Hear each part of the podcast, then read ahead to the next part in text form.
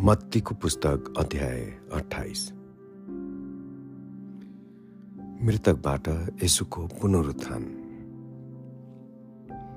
सबातपछि साताको पहिलो दिन रिमझिम उज्यालो हुँदा मरियम मगदलिनी र अर्की मरियम चिहान हेर्न आए। ठुलो भूकम्प गयो किनकि परमप्रभुका एउटा दूत स्वर्गबाट तल ओर्ले र आएर ढुङ्गो हटाएर त्यसमाथि बसे। तिनको रूप बिजुली जस्तो र पोसाक हिउँ जस्तो सेतो थियो।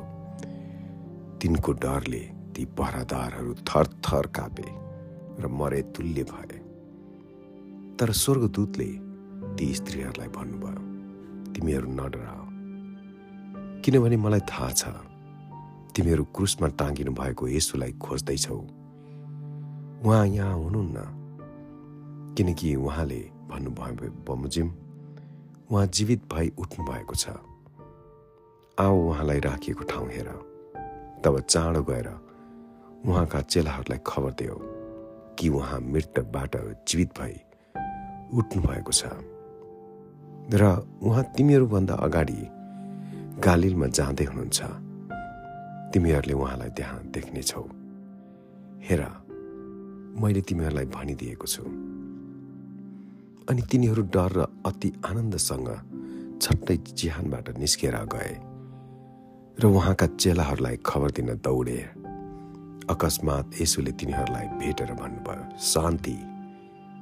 तिनीहरू नजिक आएर उहाँका पाउ पक्रेर उहाँलाई दण्डवत गरे। तब यसुले तिनीहरूलाई भन्नुभयो न डराओ। गएर मेरा भाइहरूलाई गालिलमा जानु भनिदेऊ र त्यहाँ तिनीहरूले मलाई देख्नेछन्। पहरादारहरूको खबर।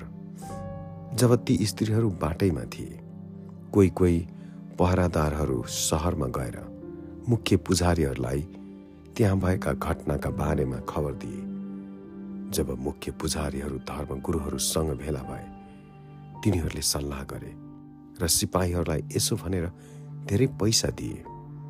तिमीहरूले भन्नु कि हामी सुतिरहेको बेला त्यसका चेलाहरू आएर त्यसलाई चोरेर लगेछन् कतै हाकिमको कानमा यो कुरा पुगिहाल्यो भने हामी उहाँलाई मनाएर तिमीहरूलाई जोगाइदिनेछौँ।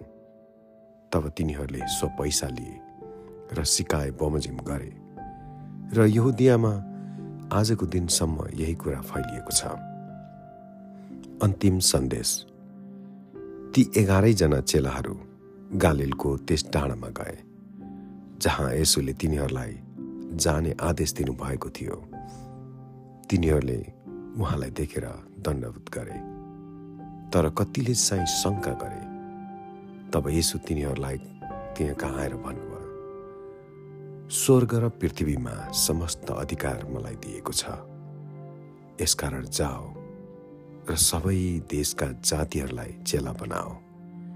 पिता पुत्र र पवित्र आत्माको नाउँमा तिनीहरूलाई बत्तिसमा देऊ मैले तिमीहरूलाई आज्ञा गरेका सबै कुरा पालना गर्न तिनीहरूलाई सिकाओ। हेर म युगको अन्त्यसम्म सधैँ तिमीहरूका साथमा हुनेछु।